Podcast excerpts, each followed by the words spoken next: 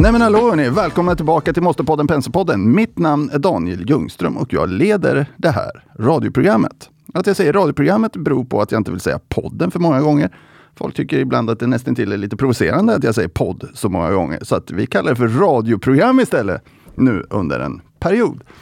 Hörni, det händer ju massor av saker. Vi är mitt inne i en rapportperiod, eller åtminstone i uppstarten av rapportperioden. Ehm, Netflix rapporterade igår och om jag läste siffrorna rätt så ramlar den ner 35 procent. Det är ju hyggligt dramatiskt. Det följer på en rapport eh, förra gången som också var lite svag vill jag minnas. Så att, så att dramatiken finns där. Idag så ska vi faktiskt inte prata så mycket rapporter i vår podd, utan vi ska fokusera på fundamentet makro och vi ska prata makro med Jonas Thulin. Det mm. brukar vara väldigt uppskattat. Välkommen kommer, Jonas! Tack så mycket. Vi kommer komma in lite grann på vinster också och vad vi tror och hur vi har positionerat oss. Det är ju Ja, det... A och O här lite grann när vi sitter här och nu. Men det kommer vi komma in på lite mer i detalj. Och innan vi kommer in på det i detalj, då ska vi, då ska vi faktiskt eh, marknadsföra lite grejer här. Då kan vi säga att vi börjar med att marknadsföra möjligheten att jobba med Jonas och Jonas kompisar eh, Robert Tovi på analys och så vidare. Och då handlar det om att jobba med videoproduktioner. Om allt från att spela in och redigera och marknadsföra filmer till att publicera filmer. Man kanske får vara med och påverka hur de ser ut och så vidare. Och det här kommer vara en heltidsanställning. Så den som är lite lockad av att jobba med video och finansiellt innehåll ska höra av sig till till banken. Man kan dra ett mejl till andreas.lindstrom.pense.se eller så testar man att ringa 08-463 80 00 och uppge att man är intresserad av den här tjänsten så kommer man kopplas rätt. Tycker jag fick till det där hyggligt rätt Jonas? Ja, absolut. Det, de här filmerna har blivit en, en jättekanal för oss att nå ut med allt från husvyn till bolagsanalyser och, och bolagsevent. Så det, det, det, är en superviktig eh, kugge i maskineriet.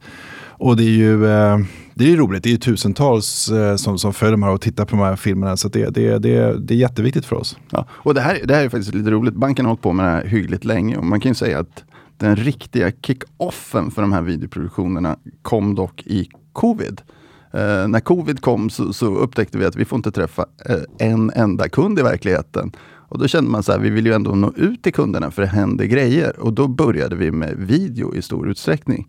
Vi hade ett ganska dramatiskt eh, första live-event där, där vi, vi livesände en sån här bolagsdag. Och vi var ju lite nybörjare och bolagen var lite nybörjare. Men vi kämpade oss igenom det där och till sist blev det ju faktiskt en liten succé. Och nu tar banken det vidare och heltidsanställer folk. Det är superkul. Ja, det är jättekul.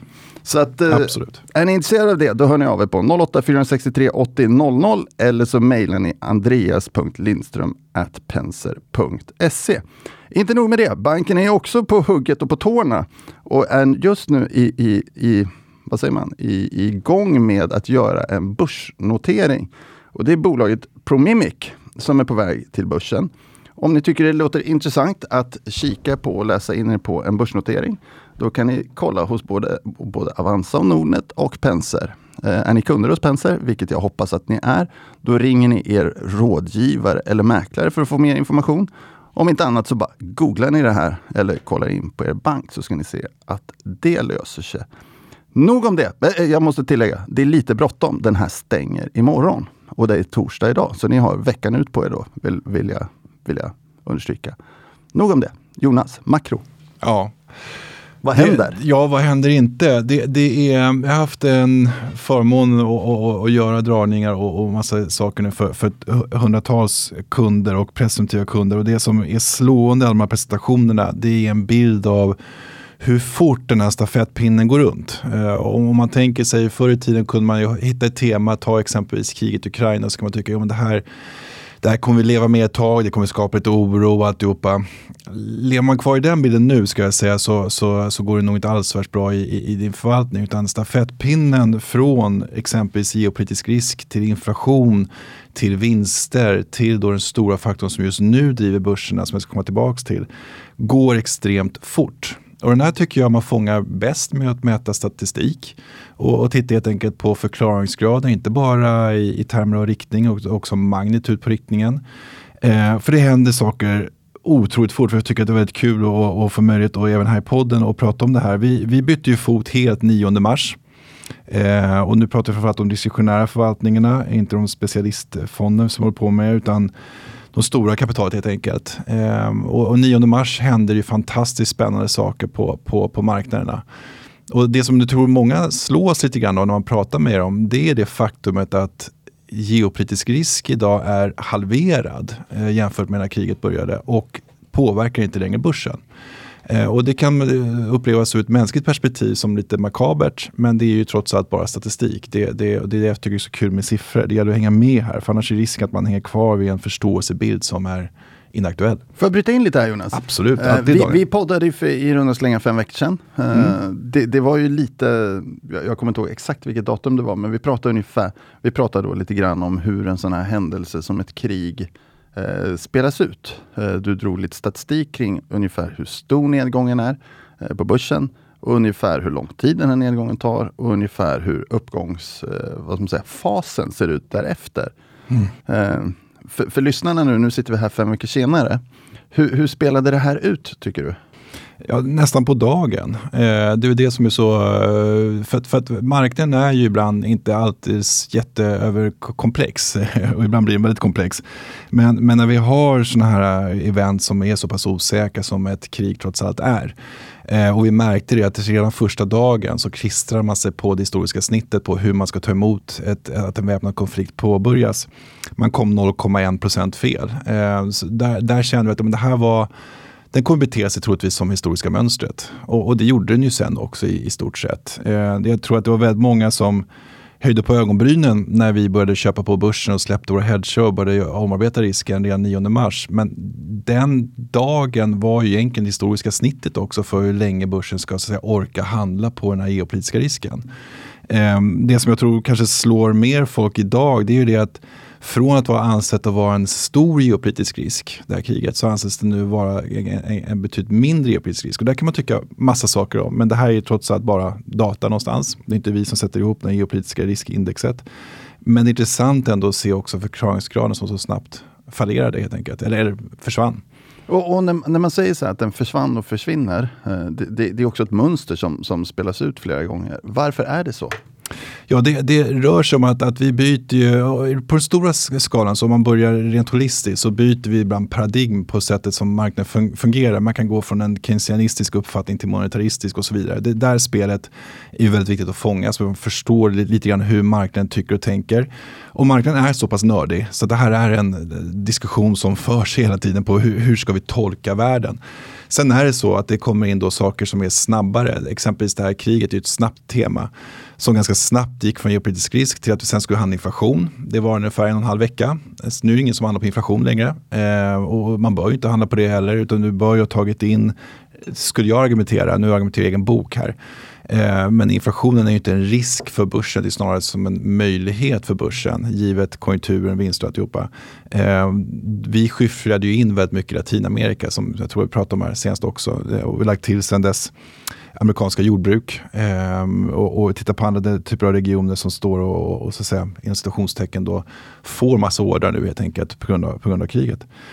Och, och, det är det som händer och det, och det, det, går så pass fort. Det är det jag tycker är så pass eh, spännande här. Jag tror att det, det, är väldigt många som kanske fortfarande drivs av en, en oro eller man tycker att det är lite obehagligt och så missar man kanske det faktumet att ja, men, börsrapporterna just nu som vi förutsåg skulle överraska mycket mer positivt har än så länge levererat. Och det finns pengar att tjäna där. Netflix till trots får vi då lägga till.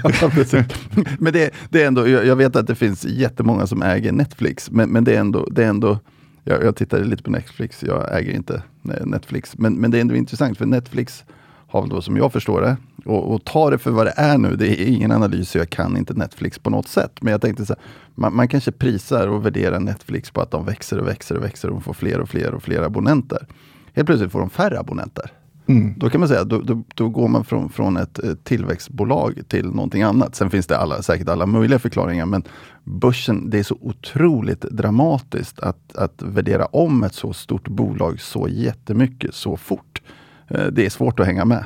Ja, ja, ja det är det. Och det, det, det är lite roliga där kan jag tycka. Det är att i, i dagens läge med, med all fin mm, sifferexercis man kan göra nu så tar det ungefär ett par sekunder för att bedöma ett bolag när en bolagsrapport kommer.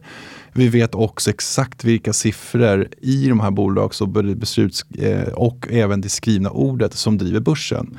Allt det där är så att säga standardiserad matte som just nu ligger i alla finanssystem om man är på köpsidan. Det innebär att om vi får en rapport från ta Ericsson exempelvis. Då vet vi på några sekunder, vi vet redan innan rapporten vilka siffror som driver börsen rent statistiskt. Eh, vi vet också hur de siffrorna kommer ut jämfört med konsensus. Vi kan också lägga på natural language processing på hela kommunikationen i deras årsbokslut, eller kvartalsbokslut för att därigenom beräkna möjliga effekter på börsen. Ovanpå det där ska vi komma ihåg att cross-trading har nu börjat med utökad magnitud i Stockholm. Det innebär att för att handla svenska bolag nu behöver inte bolagen registreras i USA utan amerikanska kapitalplacerare, spekulativa konton helt enkelt, kan nu handla svenska aktier rakt över desken i USA eh, utan att bolag behöver så att säga, rapportera eh, eller fira sig i USA. Det kallas för cross-trading. Det har funnits ett tag men har nu utökats med ytterligare 50 svenska aktier. Det där ger att hela den här sifferexercisen och hastigheten ökar ju. Så att jag skulle tro, min personliga åsikt här, eh, det är att magnituden i svenska aktier, framförallt de större, kommer bara öka. Och det kommer nog finnas en hel del diskrepans mellan vad man tycker är så att säga, fundamenta och vad som händer i kursen. Och då får man egentligen bestämma sig. Är, är jag kursen eller är jag en fundamental investerare?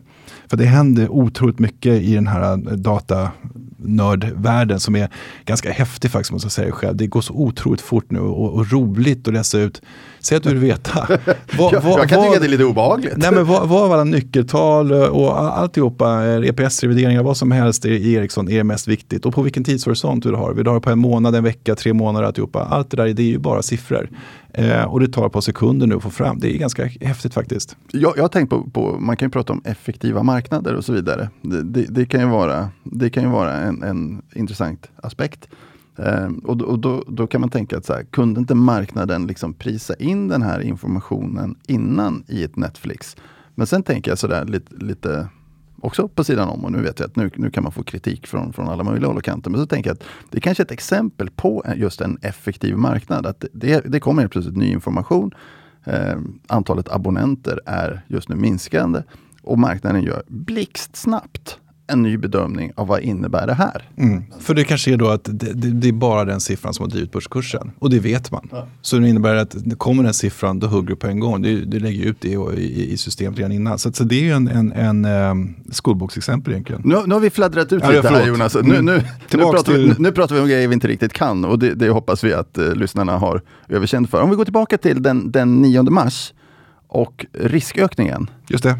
Eh, hur motiverade du den vid det tillfället? Ja, flera skäl. Eh, det ena var ju då att vi såg att eh, marknaden inte handlade på kriget längre.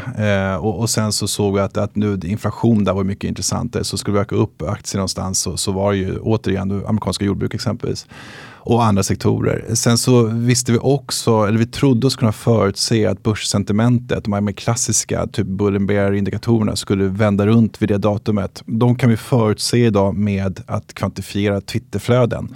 Eh, då tar man kanske topp 200-bolagen eh, i, i, i ta USA och så, så läser man av Twitterflöden kring de bolagen, rensar då för troll och andra såna här mera outliers. Och, och det är en liten matematik bakom det där. Det finns olika institut som räknar fram det här så man behöver inte göra det själv om man, om man inte vill det. Eh, det andra var att vi fick ett fantastiskt fint uppställ i eh, den här JP Morgans 100-procentiga börsindikator som eh, kickade in precis där. Jag tänkte att det, det var också intressant.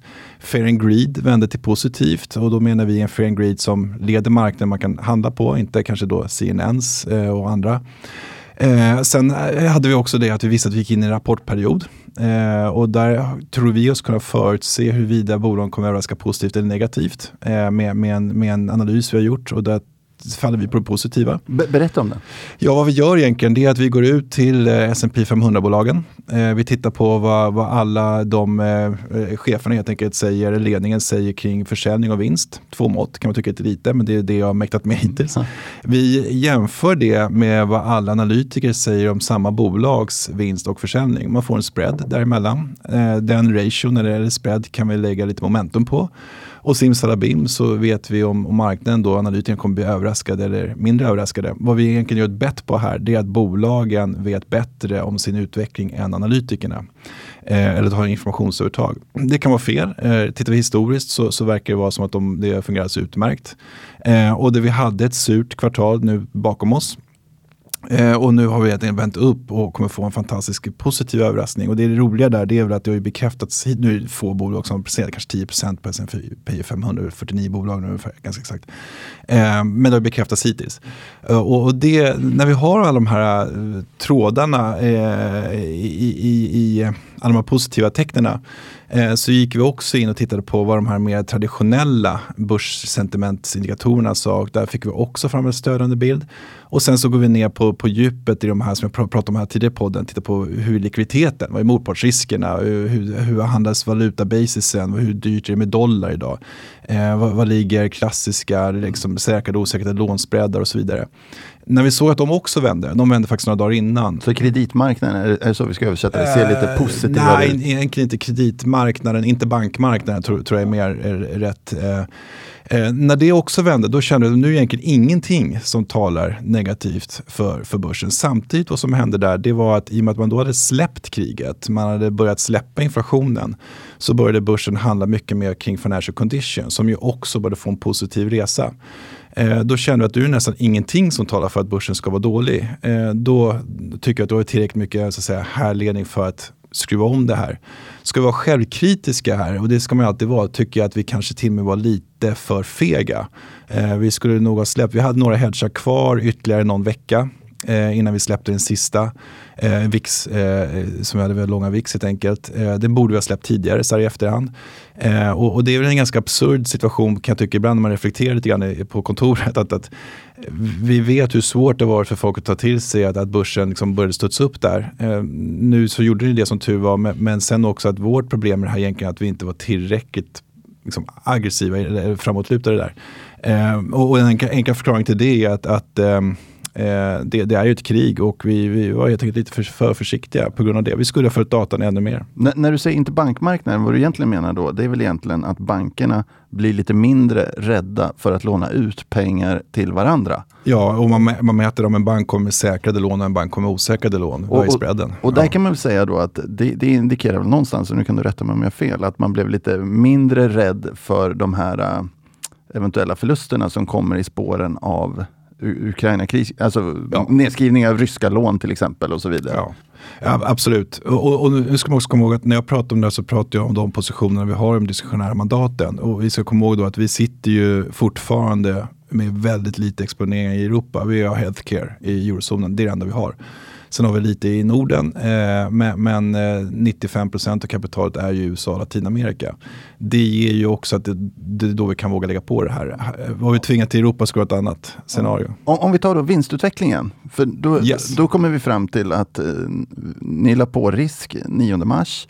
Eh, kanske lite för lite, ni har gradvis ökat. Eh, du har varit relativt positiv här nu på slutet. Och hur ser du då på vinstutvecklingen som du tror kommer överraska lite positivt? Ja, det, det, tror vi. Och, och, då gäller det att hitta rätt bolag eh, så, som vi ser det och rätt segment, rätt strategier. Där sitter vi fortfarande med, med en tilt mot eh, growthbolagen. Men då, vår, vår mening av growth är ju inte MSCIs så att säga, sektor eller faktorindelning här utan vi tittar ju mycket mer på cybersecurity exempelvis. Vi håller kvar vid halvledarkomponenter, vi är inne i renewable energy och, och sådana. Det, det är där vi ser mest potentiellt till, till en bra, bra resa framöver. Men, men eh, det, det, är ganska intressant också att säga att nu, vi pratar om vinster. Men det är ju faktiskt inte vinster längre som driver börsen heller. För nu har man så att säga, är man klar med det lite grann. För det som är så otroligt kul här tycker jag, eh, det är ju att institutioner har köpt börsen som det var april 2020. Vi har flöden inne i börsfonder som ju egentligen bara varit negativa i år under ett par veckor precis vid krigets utbrott. Marginellt lite, lite utflöden. Sen har man ju köpt börsen under hela året. Eh, och det tycker jag också är lite vind, vind i segerna. Och det som nu driver börsen är, är faktiskt makro, alltså klassisk BNP. BNP i klassisk bemärkelse, men, men som ni alla förstår, då, nu pratar vi om dagligen uppdaterade BNP-modeller. Det driver just nu 98% av den globala börsutvecklingen. Eh, och det är ju bara statistik, men det är ganska häftigt att se liksom hur vi gått från krig till inflation, till financial conditions, till vinster för att nu hamna på, på, på makro. hela varvet runt. Har, Ja, har, varför jag kan bocka av det. Har, har du en bild över hur vinstutvecklingen kommer vara i USA under året? Eh, Eh, eller eller ja. sk- skippar du Nej, det- det den, har vi. den typen av, av siffror? Vi försöker förutse, absolut inte, vi, vi försöker förutse dels vinstutvecklingen i termer av EPSer, eh, i earnings revisions, men sen också om du får positiva överraskningar eller inte. Det ligger i vårt bildmaterial. Om, om, vi, om vi då, då ska jag kolla vid tillfälle och det kan lyssnarna också göra. Om, om, vi, om vi då säger så här att eh, vinsterna ser bra ut, eh, de kommer överraska positivt. Vi är tillbaka i klassiskt makro, då är vi tillbaka i inflationen. Ja, eh, precis. Eh, kan vi, bör- vi kan börja där Vi kan lite. börja inflationen, för inflationen har varit sånt där, um, det, det har ju debatterats kanske framförallt i Sverige fra, fram och tillbaka eh, kring, kring dess vikt. Och, och där har vi haft och har fortfarande den vyn att vi får inte göra misstaget att tro att inflationen på något sätt drev börsen på nedsidan i början av året. Det, det har ungefär lika stor relevans som nu. Rent statistiskt 0,05, med andra ord 5 vikt. Eh, men inflationen har ju varit ett yppligt tillfälle att, att nyttja de marknaderna som tjänar så att säga, på inflationen. Det är så vi tycker man ska se Vi ska inte se det som en, en paria för, för, för, för börsen. Eh, det, det krävs en helt annan typ av inflation. Det som också är oerhört spännande med inflationen ty, tycker jag, det, det är att vi, vi, vi kommer inte veta med säkerhet från 2023 till 20 till 2024 vad som egentligen, hur egentligen inflationen idag ser ut. Räntemarknaden har gjort en ganska typisk tolkning på att nej, den är fortfarande övergående. Eh, och det där är otroligt spännande för då hamnar man i det läget att ja, om det nu är övergående då kommer inte Fed kunna höja lika mycket som de säger. Och då prisar marknaden in den här konstiga kurvan av att vi ska höja massa för sen sänka en massa. Kan, kan du förklara som för ett barn här då? Eh, om, om vi tänker oss att inflationen är övergående. Mm. För, förklara som för ett barn, jag är barnet. så här, vad är det som gör att inflationen är så hög nu? Och vad är det som gör att den, den kommer att avta liksom, i det kortare perspektivet? Så att man är med på det Ja.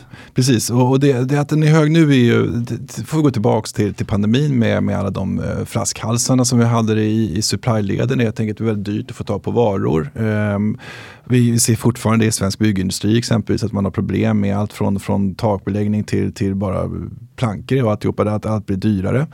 Eh, det, sen ovanpå det så får vi då lägga krigseffekterna som vi fick där till att bli ytterligare en förvärring till. Och sen har vi då att man har stängt ner hamnar i Kina, eller man, man har inte stängt ner dem men man har liksom begränsad av och pålastning på grund av, av att man då har en ytterligare en våg av, av pandemin där. Det där gör att man får då en chock i inflationen. Eh, men det intressanta är ju hur mycket av den chocken och inflationen är varaktig. Eh, nu tror vi att det förra inflationsdatan vi fick från USA var piken. Eh, och den kommer komma ner nu i årstakt. Och då är det intressant, men vart ligger den underliggande inflationen någonstans? Hur långt ska man falla ner? Och det som är så otroligt spännande i den här, det är att den underliggande bedömningen av den långsiktiga inflationen har ju knappt rört sig på uppsidan. Så allt från akademia till de bästa modellerna som vi har, som Fed kör, eh, till också har inprisats i break-evens, alltså jämviktsinflationsnivåer, eh, så ser man fortfarande att det här kommer bli en övergående eh, inflationsspik. Sen så eh, blir det då en fråga om generalitet. Ja, men pratar vi då om att inflationen ska ner till 1% igen? Nej, men det gör vi inte. Men, men den kanske kommer ner till 3-4%. Ja, är det då högre än det var innan? Ja, det är det. Eh, men det är inte så konstigt här givet de stimulanser som man har gjort och så vidare. Så allt det där beror lite grann också på vilken affär, vilken trader man är ute och jagar efter det här. Men att den här våldsamma inflationsfesten, man kan kalla det för det, spiken är över. Eh, det, den står ganska fast vid och det så har ju också marknaden handlat på sistone. Om, om man tar då, för, för igår var det ju lite dramatik, åtminstone i, i Sverige, när Finansinspektionen var ute och sa att vi kommer höja räntorna och det är lite inflation och annat och då faller fastighetspriser i snitt 30 procent till exempel. Mm. Jag tror att det var så de uttryckte det. Jag har inte läst det, jag har bara sett en bild. Eh, Men, men, och Fritt tolkat av en bild. ja, fritt tolkat. Nej, men, och, och Ingves såg jag också var ute och sa att vi kommer, vi kommer Ja. höja räntorna och så vidare. Och man pratade om ganska många räntehöjningar under året. Tror du att det är en bild som, som, som kommer realiseras? Eh, nu ska vi komma ihåg att när han gick ut och sa det här, då har marknaden prisat in åtta höjningar. Eh, han gick ut och nämnde dryga tio. Med andra ord, han bekräftar det som marknaden redan har prisat in. Med andra ord, om man då ska vara lite elak så säger man så här, ja men det var väl lite på tiden då att han går ut och säger det. Samtidigt så tror jag att många i marknaden vet att ja, men om vi redan har prisat in åtta höjningar från Riksbank, givet hur det ser ut i svensk makro som inte alls är samma sak som amerikansk makro. Och det kan vi komma tillbaka till, men den här klyftan ökar ju nu extremt snabbt mellan ekonomier. det ger ju att det är ganska lätt att ta risk-reward på andra sidan och säga att vi kommer nog inte kunna leverera de här åtta höjningarna. Så vi ligger exempelvis kvar och kämpar då med vår dollarposition. Just för att det kommer bli en besvikelse på det här. För att vi kommer inte palla höja de här. Och det hänger ihop med att vi har en lägsta reallönen sedan tidigt 90-tal. Vi har en extrem skuldsättning på konsumtionssidan för konsumtion, inte för investering. Så vi har en del prekära situationer. Och senaste BNP-indikatorn i Sverige visar ju negativ tillväxt. Eh, och, det är unikt. Eh, det, det, är inte många andra, eh, är tråkigt, tråkigt unikt då. Som tur var så, så drabbar ju inte det svenska storbolag i aktiekurser. Då är det mycket mer intressant att titta på. Det, det får man ju tänka lite på begreppet stagflation.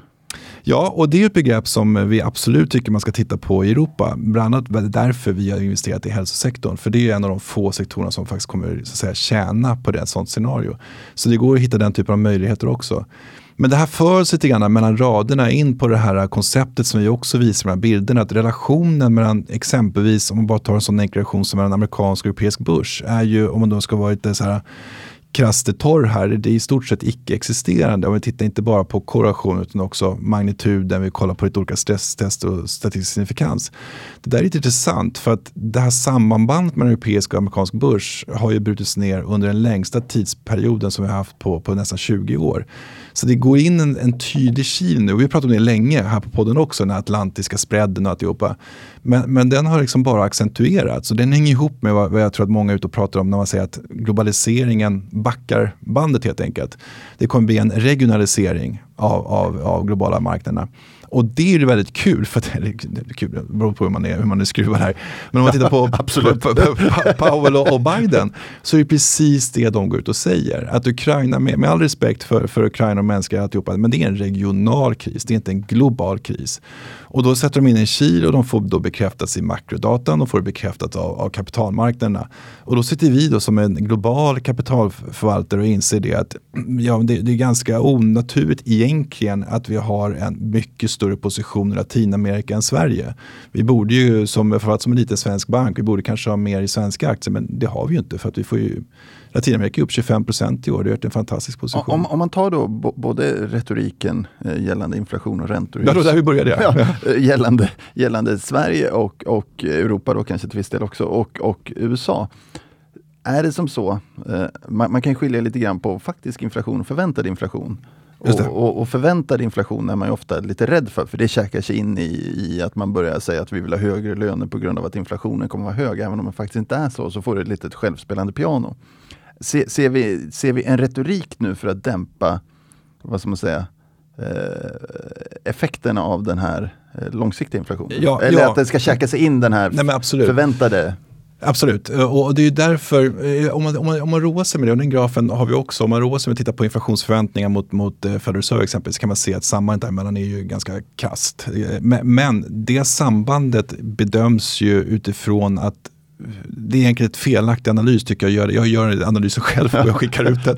Men, men den är egentligen Ingen bara, är perfekt. Nej, men det är egentligen bara halva, men därför måste jag prata till den. För att man vill ju inte att det ska vara ett samband mellan de här två aspekterna. Utan vad Fed vill göra nu det är att gå ut och prata så tufft och hårt som man bara kan.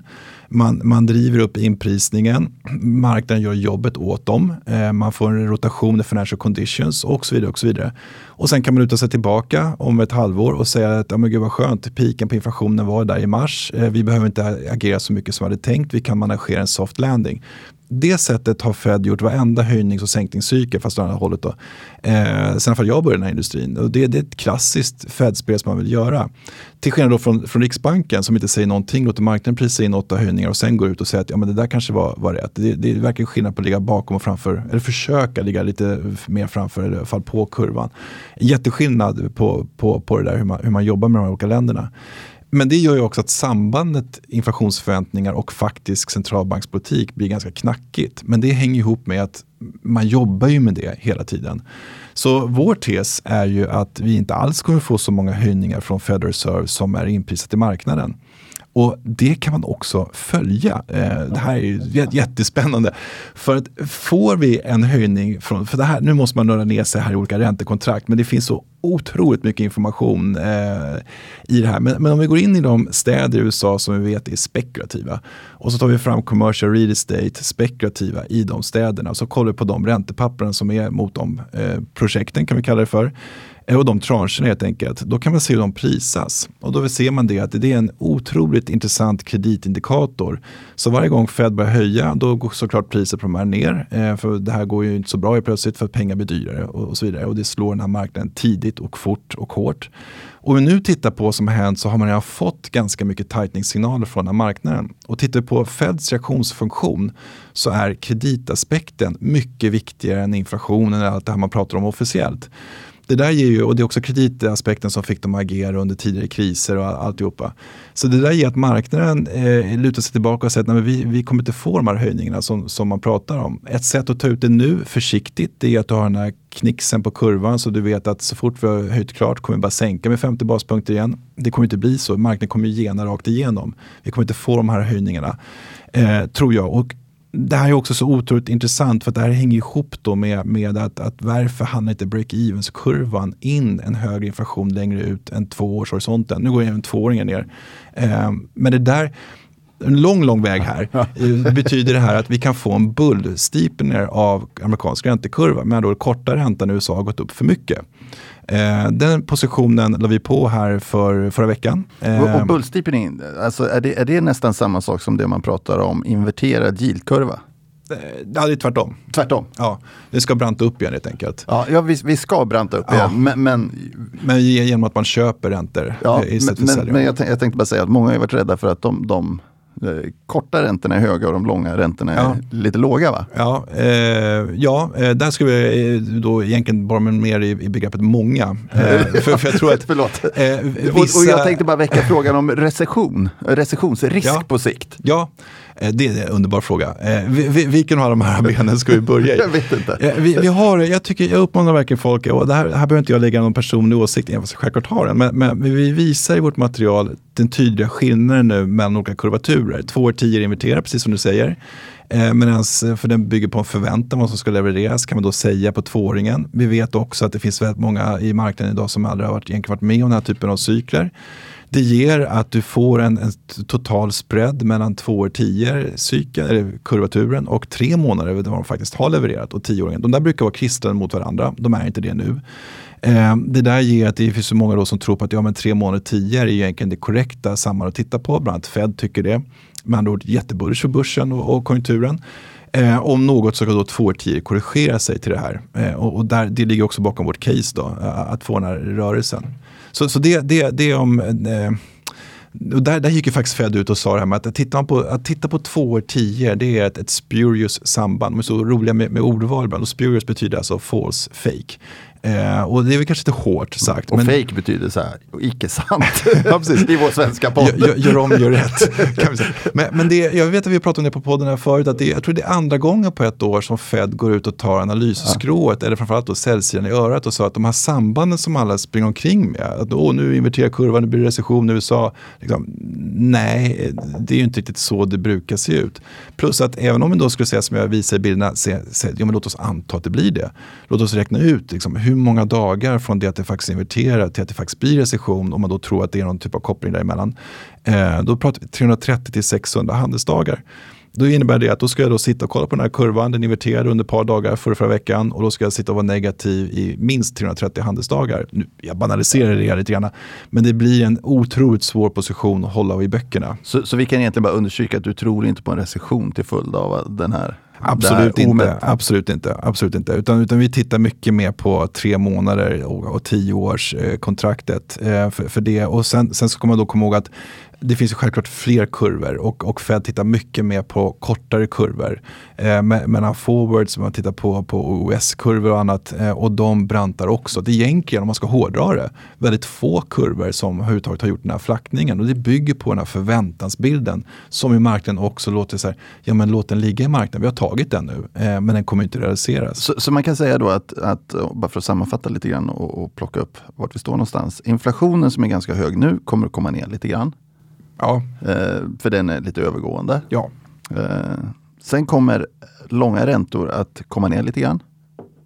Eller? Eh, ja, absolut. Och, och, Och även korta räntor framförallt korta räntor. kommer komma ner Eh, lite ja, grann. det- så, du får en, så räntekurvan blir lite brantare. Ja. Så vi börjar med, med väldigt låga korta räntor och så lite högre på två år och så lite högre på tio år. Ungefär som det klassiskt brukar se Mm. Precis, ut. vi kommer tillbaka till det. Mm. Och, och på det så har vi en, en positiv vinstutveckling på börsen. Så vi kommer ha en hyggligt positiv börs. Åh, där måste jag sticka in med en sak. För, för vilken sektor tror man då tjänar mest på en bull steepener?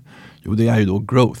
Eh, om man nu ska titta på JP Morgan, kvantarbete och annat. Så det, det, det, världen hänger ihop här på ett nästan häftigt sätt. Tillväxtsektorn helt enkelt. Tillväxtaktier. Ja, och där gäller det att välja rätt ska jag då säga. Men, men det är ju spännande att se också i takten som tillväxt kommer ikapp value och då titta på MSCIs eh, breda faktorer. Det, det, det, det, det händer väldigt mycket. Ovanpå det här så får vi inte, vi behöver inte gå in på det, men, men vi har ju haft bankrapporter i USA nu så nu kommer vi gå ut och börja en massa bonds vilket ger, ger massa rörelser också i räntekurvan som också gagnar den här typen av räntestrategi. Så det händer ganska mycket spännande saker. Kan man säga att det är lite stökig räntemarknad? Bara för att sammanfatta det lite. Nej, jag, jag tycker inte att det är stökigt. Jag tycker faktiskt att det är stökigt någonstans. Jag tycker inte att det är så mycket oro heller någonstans. Utan, utan den nionde där vände det. Jag tycker att den är, börsen är konstruktiv, positiv. Vi får de bolagsrapporterna som vi och säkert andra förväntar sig. Eh, man vet ganska snabbt vilka siffror som är nycklar för, för marknaden. För alla har lärt sig de här typen av funktioner som finns i alla som har Bloomberg där ute, det jag pratar om här det är ju standardiserade funktioner för, för oss på köpsidan. Så det, det finns ju fantastiska verktyg att bara rassla igång på. Så att, jag upplever inte det och det här stärks ju av, de flödena vi ser till, till börsen också. Att det är köpläge, det har varit det under hela året. I, I det här positiva scenariot, vilka risker ser du? Ja, vi, nu måste jag återigen vara väldigt tydlig här, vilket jag kanske inte har varit. Jo då, jag tycker det var tydligt. Eh, Men, men, vi pratar ju i egen bok här, alltså var har vi lagt pengarna någonstans? Eh, vi har ju, glöm inte här nu, vi har extremt lite i Europa, eh, extremt lite i eurozonen. Utan när vi pratar om börsvinster och konjunktur, då, vi pratar väldigt mycket om USA och en, del av emerging markets. Inte alla, men en del. Och, och där kan man ju vara skäligt positiv. Sen så sticker vi inte alls under stolen med att Slänger man upp eh, tysk konjunkturutsikter, då blir man ju nästan mörkrädd. Eh, enklare sättet att, att hålla i hatten där det är ju att försöka utnyttja dollarn. Eh, men att tysk konjunktur är på väg in i recession, det tycker vi inte är någon kioskvälter på något sätt. Eh, men å andra sidan är det någonting som vi inte riktigt behöver bry oss om inom situationstecken. För att Utifrån hur ni är positionerade. Ja, exakt. Och, och tysk ekonomi och europeisk ekonomi, man kan säga mycket om det fram och tillbaka, men, men det, de driver ju inte världstillväxten. En, en sak slog mig nu när vi pratade om det. Jag tror vi pratade om IMF och att de sannolikt skulle revidera ner sina Ja. tillväxtprognoser. De Ja. har reviderat ner sina Ja. tillväxtprognoser nu, eller hur? Sex månader efter alla andra typ. så det, det är ju, och det är, nu låter det så här eh, krass och, och raljerande, men, men, men man får inte glömma här, Eh, jag, mitt jobb är att ligga tre, sex månader före. Eh, IMFs jobb är ju att ligga sex månader efter och bekräfta. Det, det, de kan ju inte bli spekulativa. Men håll med om att det kan få en att känna sig lite vass när man kan ligga Ja. före IMF i prognosen. Jo, jo, det är ju som ligga före OECD. Det, det, det, det, det vore konstigt om man inte får ihop det. Men, men, absolut, eh, det, är bekräftelse på, på hur det ser ut. Men det, det är väldigt spännande läge just nu. För nu, om vi tittar på global handel exempelvis så ser vi att den accelererar igen. Eh, och, och det gör den ju av naturliga skäl. Det är en fantastisk handel där ute mellan vissa parter. Och vissa parter har ramlat helt eh, av kartan då såklart på grund av, av obehagliga krig och annat. Men det finns ju fortfarande värde att hitta i vem är det som har aktiviteten. Vem tar ordrarna? Det är ju inte för inte om man nu är intresserad av att investera i korn i Kanada. Du har haft en ganska häftig utveckling i portföljerna. Eh, för de har ju fått massa order eh, på, på det här och, och amerikanska jordbruk och så vidare. Så att det det är onekligen en, en, en tudelad värld och man behöver inte gå så långt. Man kan titta på här surprise-index för Europa och USA och egentligen bara se att ja, vi har negativa surprises i Europa hela tiden. Vi har positiva i USA. Det relativa spelet där blir ganska enkelt för Det, det, börsen. det betyder egentligen att faktiskt data är bättre än förväntad Ja, data i exakt. USA och tvärtom, och tvärtom i, Europa. Och det brukar vara en hyfsad, det brukar gå åt samma håll. Världen brukade hålla ihop. Men, men jag tror verkligen, och det kan vi inte understryka nog, den här eh, fragmenteringen, man, man reverserar globaliseringen, det, det är en så pass kraftig rörelse. Så att den, den, den påverkar ju, inklusive en liten eh, men ändå naggande god bank som Erik Penser Bank, att, att vi har en, en, en förvaltning som är väldigt lite påverkar de här typen av trenderna som vi ser i Europa. Det, det, det brukar ju hänga ihop mer eh, på ett sätt. Kan, kan, vi bara, kan vi bara sammanfatta, vad, vad var riskerna i ditt positiva scenario? Ja, eh, där vi är positionerade så ser inte vi några större risker för tillfället. Eh, och det är för att där vi är positionerade så vet vi till 97,5 procent vad som driver de börserna. Och det är global uppdaterade makrodata från USA. Och då pratar vi Latinamerika och? Ja, hela amerikanska kontinenten helt Amerika, enkelt. Okay. Eh, både nord och syd. Eh, och det intressanta där är att, jag kommer ihåg det så väl, det var väl för två veckor sedan tror jag som jag gick ut och började prata om recessionsrisk i eh, USA. Samtidigt så gick den ner från från 16% till 5 i, i kreditmarknaden, mätt då enligt en, en modell som Fed har gjort som är ganska bra. Eh, tittar vi på egna modeller så ser vi en, en, att ja, vi kanske får upp recessionsrisken till 10 i USA. Det, det, det kommer inte upp mer så nu pratar vi USA, går vi in i Tyskland då ser vi redan att där är vi redan i en kraftig konjunkturell inbromsning såklart, givet, givet vad som händer.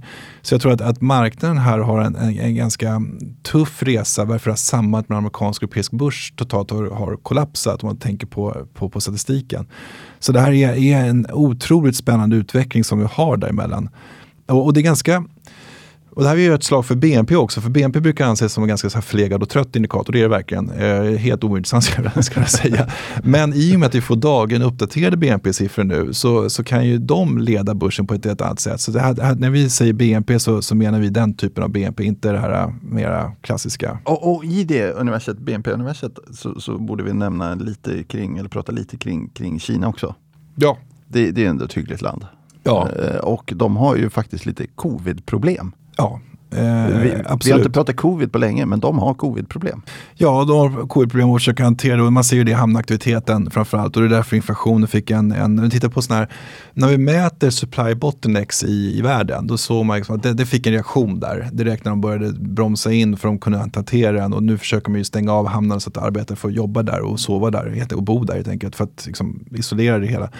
Eh, men den initiala chocken fick vi en, en tryck upp till på break-evens inflation. Det passar vi på att utnyttja med, med att köpa mer som positiv inflationstrade. Eh, tänker då liksom emerging markets, Latinamerika och den här typen av, av regioner. Eh, men med det sagt eh, så, så är det ju spännande nu att se att, att handeln exempelvis mellan USA och Kina ökar. Global handel ökar. Eh, så det, det, är ju, eh, allting handlar om relativa spel här. Eh, lite grann störst går först också. Så att när marknaden tittar på de här sakerna så ser man att ja visst, det är en faktor. Kina har bromsat in, men vi ser ändå att titta på stål, cement, elektricitetsutnyttjande, kreditexpansionen, det vänder i Kina. Man är på något sätt lite mer konstruktiva där. Sen är det många som håller sig försiktiga där för att en del kinesiska bolag har börjat liksom tassa in på att eh, skicka saker till Ryssland. Så du får upp flaggor i såna hållbarhetsanalyser på, på ett sätt som du inte fick förut. Så det har blivit ett stopp där i investeringsmaskineriet. Eh, så, så, vi har för tillfället ingen investering där. Eh, men det är ju ganska intressant för de har ju då en, en, en eh, ny, ny, nystart av ekonomin samtidigt som Europa går in i en nedstängning, inte nedstängning, ni förstår vad jag menar, en inbromsning. Och det är diametralt olika utvecklingar som vi tror kommer få påverkan på, på börsen. Um, och där, där märker man, man behöver inte gå längre än Titta på prisestimat på amerikansk börs och svensk börs eh, och så se liksom bara hur pass mycket mer marknaden reviderar upp prisestimaten på amerikansk kontra svensk. Eh, det är en ganska slående ratio som, som också fångar relativ performance väldigt väl. Med valutaeffekter ska jag då säga. Och, och, och, och, man kan titta på earnings revisions och alltihopa också, det är samma story där. Det, det får liksom ganska snabb traction det här som jag sitter och svamlar om här i, i, i marknaden. Och det är ganska spännande att följa, tycker, tycker jag. Men nu är det lite böjd åt det hållet. Och om, om, man, om, man tar då, om man tar då, vad heter det, om vi tar att, att rapporterna är bra, kommer vinsterna vara bra? För det är ju lite inflationsoron, att, att, man, att företagen inte lyckas hantera den här inflationspucken på ett bra sätt. Mm. Tror, tror du att vinstmarginalerna kommer att kunna hålla i sig även i USA till exempel? Eh, ja, med tanke på att de inte riktigt rört sig åt andra hållet överhuvudtaget. Det, det, det är ganska intressant när man, när man mäter, man kan ta, mäta på massor olika sätt. Vi kan ta två här, man, man kan titta på prices received och prices paid eh, bland alla amerikanska bolag. Och då ser man att under hela den cykeln så har man egentligen inte skiftat det här. Så bolagen har trott att det här är övergående. Rätt eller fel, det, det återstår att se. Men, men så ser läget ut nu. Tittar vi på EPS-estimaten exempelvis så har de reviderats upp i år. Eh, och de revideras upp även förra året. Eh, så det, det, är, vi har fått en törn eh, via, via, via pandemin såklart och efterslängar där är rent i årstaktsmässigt. Eh, men vi har inte fått några kraftiga nedrevideringar på EPS och det där tycker vi är lite intressant. Eh, det som driver earnings revisions och, och hela liksom, utvecklingen här, det är ju väldigt lätt att, att, lägga sådana modeller med att titta på surprise-indikatorer från makrodata. Eh, och vi ser inte heller att det kommer komma in i något problemområde när vi tittar på USA. Eh, det blir en helt annan sak om man skulle göra om den övningen med att, och så slänger vi in IFO exempelvis, eller ZTW, den, den är lite eh, autokorrigad, men, men skitsamma. Eh, för Tyskland, Tyskland helt enkelt. Ja, ja. Tyskland, eller med, min favoritindikator för Tyskland, ja. det är ju eh, den kemiska sektorn. Eh, tittar man på läget i, i den kemiska liksom, industrin i Europa, såklart kopplat med kriget, så har vi nu en värre inbromsning än den vi såg under, under finanskrisen. Ja. Det där brukar lite obehagligt nog leda tysk börs på ett alldeles fantastiskt sätt. Eh, så, så det här är ju skälet till att vi då har, har så att säga, undvikit att ha investeringar i den typen av, av segment. Um, för om någonting kunna plocka upp botten, men där tror jag inte är än. Så det, det är diametralt olika skilda världar så. Så för att sammanfatta lite grann, du pratade lite grann om en positiv eh, börsutveckling, låga risker. Ja, vad är det jag pratat om egentligen? men, då, men då får vi skilja på att det är lite olika världar i, i, i USA, Europa och eh, exempelvis då Kina. Uh, inflationen ja. är en puckel som kommer att avta. Vi kommer se en mer normaliserad räntekurva uh, med tiden. Det sammanfattar ja. väl det hela ganska väl. Två frågor uh, som jag känner att jag har kvar. Det är dels mm. de här amerikanska mellanårsvalen. Just det. som vi pratade mycket om tidigare. Det, det, Har, vi inte, har vi inte hört så mycket om på slutet. Så av rent intresse så tänkte jag bara höra hur det går där. Ja. Och, och, sen så har vi ju lite valutor. Ja, och mellanårsvalen är ju superintressant för vi kan ju varje dag så kan vi mäta och, och, läsa politisk konflikt och politisk risk och annat och det hänger ju väldigt mycket ihop med mellanårsvalet nu och det var det som fick börsen att tröttna kan vi säga lite mjukt i början av, av, av januari. när, när eh, helt enkelt, jag tror 7 januari som Trump blev mer populär i National Polls än Biden för första gången. Eh, och, och, de kom ut med sin sexpunktslista, Republikanerna. Första punkten på den är att eh, Biden ska hållas ansvarig. Eh, och, och, då börjar folk spekulera, ja men då blir det riksrätt igen, då är det försök och utskottsförhör och alltihopa. Och marknaden bara blev trött eh, på det här. Eh, det var den stora drivkraften under januari. Och, det, när vi mäter, och det här kan vi då mäta, vi försöker inte vara för hetsiga, så vi brukar räkna gärna med åtminstone 30 handelsdagars statistik, vilket kan man tycka är ganska hetsigt nog, men det passar vår, vår förvaltning. Eh, Eh, och, och, och mm, Ja, man, man, det, där ska man faktiskt vara väldigt noga med att man väljer lätt, rätt tidshorisont för ens egen syfte och mål. Vi har ju våra vol, volatilitetsmål, avkastningsmål, andra kan ju ha skulle det vara en hedgefond exempelvis, då skulle vi ha mycket snabbare beräkningar och så annat. Men, men strunt samma, med det sagt eh, så kan vi se att den här fladdrar till ibland. Eh, och det är när, när vi har de här skiftena, när jag pratar om att den här stafettpinnen har gått från kriget till inflationen, till financial conditions, till vinster, till konjunkturen.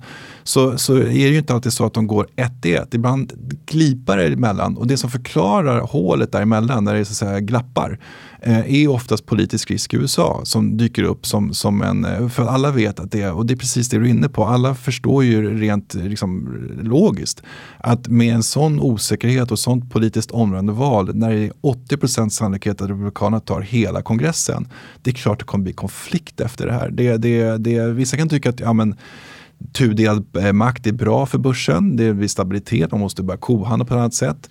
Eh, och, och, så vidare. Men, men, alla, det är ett stressmoment eh, för, för marknaden. Så det, det, är absolut en faktor som vi kommer få komma tillbaka till och diskutera mycket mer med talare från, från Washington. Där planerar vi eh, för att få liksom, från hästens mun lite grann eh, på hur det ser ut inför mellanårsvalet och hur pass allvarliga Republikanerna är i sitt vapenskrammel för, för att gå emot Biden. Då. Men det där är en, det är en jättegrej och i, mitt i allt det här ska vi ett val i Sverige också. Eh, då, då, som jag sa, då, det, just nu så har vi ju då negativ BNP-indikator, vi har extremt låga reallöner, vi har extremt hög skuldsättning, vi har en Tittar på building permits, eh, alltså byggtillstånd i Sverige så, så skulle vi ha haft egentligen fastighetsprisutveckling på runt 3% Vi är ju inte där än men vi är på väg ner dit.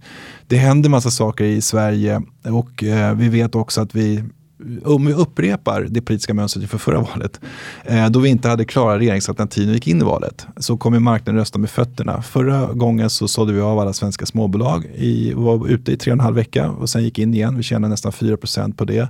Jag tror att marknaden kommer spela det på samma sätt. Man kommer dra sig ur det här. Vi har nu redan... Och med det lite för, försvagad krona också eller? Ja, det hoppas jag. Eh, det är vår position. så det, det, Eftersom min fråga var lite valutaorienterad ja, också. Ja, men absolut. Och, och den spelar in. Och, och, bakom det här är ju de utflöden vi just nu ser i svensk kapitalmarknad som är ganska stora. Eh, så det börjar av den här diskussionen vi hade tidigare med den här systematiska risken som vi också får, får, får leva med i Sverige. Så vi har en osäkerhetspremie som ligger bakom det här politiska styret som vi har. Att det är så ovisst eh, vad som egentligen gäller. Eh, och kan man inte lösa det, vilket jag ju tror, nu ska jag inte göra någon politiker, men, men jag skulle bli förvånad om vi hade klara regeringsalternativ eh, med reformpaket och så vidare presenterat för oss före valet. Troligtvis kommer man säga som man alltid gör i Sverige att vi låter, oss låt väljarna få säga sitt först fast vi inte riktigt fattar vad vi röstar på och sen ska man förhandla.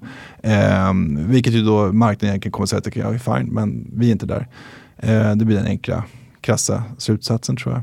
Så det, där, det där är ett, ett, ett, val som då i och för sig då kommer överskugga det som händer i USA. Men, men det är ju spännande och i den här miljön ska då Riksbanken höja eh, nu är det åtta gånger på ett år. Det, det tror vi är ganska osannolikt också.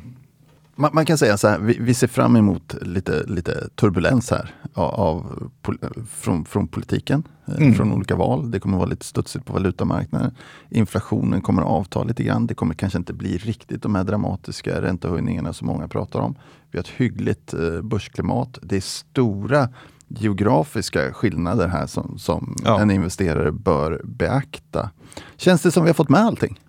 Ja, det, ja det, det kan inte jag riktigt bedöma. Men, men, men, jag, jag kände, jag kände själv att jag kände mig ganska nöjd. Lite överallt och jag tror, jag tror att det som, det som är så otroligt, jag tror det som är kul att reflektera över hemma när man sitter och, och, och, och tar lugnt i soffan. Det är ju den här um, hur, hur snabbt vi går mellan olika paradigmer. Och, jag, jag märker det när man läser svensk media så är det väldigt ofta man fortfarande pratar om någon typ av oro. Om det nu vore så oroligt på marknaden så ser inte jag varför institutionella och retailpengar skulle köpa börsen i den utsträckningen. Och när vi mäter oro så ser det inte heller ut att riktigt finnas. Jag tror att det finns en eh, jag tror man behöver kanske reflektera lite grann på men vad finns det fog för oron ur ett börstänk? För det är inte alls samma sak som att oro ur ett medmänskligt eller politiskt eller, eller ur, ur, ur ett vanligt tänk så att säga. Och den eh, liksom, eh, tudelningen av huvudet upplever jag är, är är lite i sin linda i Sverige. Eh, jag tycker man är faktiskt bättre på det i andra länder eh, och ser lite grann för, för vad det är. Ehm, det, det är en sån här tanke som jag, får, som jag har fått faktiskt när man, när man sitter och fnular på, på börsen och hur kommer det sig att vi porträtterar den så som vi gör. Det är lätt att säga att ah, men det är lite oro på börsen nu. Samtidigt vet jag att det är ju inte det. Ehm, det om du har pengar i Europa, så, ja, men varför, varför har du det? Eh, om du ska, Nej, men, och, och tittar man på det as we speak så är börsen upp behagliga 06. Ja, det, det, är trevligt, det är trevligt. Och sen så får man inte glömma, vilket jag också tycker är en sån här sak, som att eh, ibland så tycker jag att det är otroligt nyttigt att ha jobbat i, runt om i världen. För att ta först för första veckan i april, då vet vi det att alla behöver sälja börsen för att få ihop sina deklarationer till mitten av april. De två sista veckorna i april, sett till 30 års historik på S&P 500, är den bästa tvåveckorsperioden under hela året. För att du, har, du är klar med dina deklarationer, du har ställt upp dina ark så att säga. Och vi som fortfarande deklarerar i USA och alltihopa vet ju hur viktigt det är att få allting klart till mitten av april. Deklarerar i USA? Eh, det, det behöver jag nog inte kommentera. jag har aldrig hört talas om att man gör det. nej, nej, men, men det kan låta vara osagt. Eh, och, men, men det här är intressant, det är flödena och det finns massa kvantanalyser på det här just de här två veckorna i april. Att de skulle jag, eh, och det har ju vi, vi har ju satt ner vår fot på det också, de får man inte missa. För de, om det blir bra börs, då är det de två veck, bästa veckorna på hela året. Och det tycker jag är intressant att ha med sig när vi satt i de två första veckorna i april. Då man ibland fick höra vissa eh, domedagskorpar och det var så oroligt alltihopa. Så jag bara kände att ja, men det, flödena måste man ju, tycker jag, jag kan ha fel, eh, men, men flödena är ganska skatteorienterade under just de här perioderna. Och det går att bena upp det med att titta på flowdata från investmentbanker eh, som, som, som köpsidan kan, kan köpa. Och det, det är otroligt spännande. Och när vi såg att, att marknaden positioneras på andra hållet, då, ja, då, då, då, då har inte vi några problem att sitta kvar med risken i den bemärkelsen. Då känns det som vi har tagit allt Jonas. Ja, det kanske är så. Om inte annat så finns det ju upp, vad heter det? en uppsjö av material på bankens hemsida och YouTube-kanaler och, och, sociala medier och alltihopa. Där vi och vi hittar dig var, varje måndag, även om det var ett undantag i måndags. Ja, eh, jag försökte vara, vara ledig faktiskt första gången på, på ett tag. Så nu, för, men nu det korrigerar vi till nästa vecka. Det korrigerar vi, det var dumheter. Tack för idag. Tack. Hej. Denna podcast är utgiven av Erik Penser Bank och är avsedd att marknadsföra bankens tjänster. Vissa bolag som nämns kan därmed ha något samarbete med banken i form av fondförvaltning, analystjänster, certified advisor-uppdrag med mera. För mer information om dessa tjänster, fondförvaltning och även bankens hantering av eventuella intressekonflikter vänligen se bankens hemsida www.penser.se. Vänligen notera att investeringar i finansiella instrument, inklusive fonder, är förknippade med risk. Historisk avkastning är ingen garanti för framtida avkastning. De pengar som placeras i finansiella instrument kan både öka och minska i värde och det är inte säkert att du får tillbaka hela det insatta beloppet. Ingen del av Penserpodden ska uppfattas som investeringsrekommendation. Informationen är heller inte att betrakta som investeringsrådgivning då den inte tar hänsyn till mottagarens specifika investeringsmål, ekonomisk situation eller kunskap. De uppfattningar som redogörs för i podcasten återspeglar de medverkandes uppfattning för tillfället och kan därmed ändras. Externa gäster i Penserpodden framför sina egna åsikter som kan avvika från bankens uppfattning. Banken frånsäger sig därmed allt ansvar för investeringsbeslut och för direkt eller indirekt förlust eller skada som grundar sig på mottagarens användande av informationen i podcasten.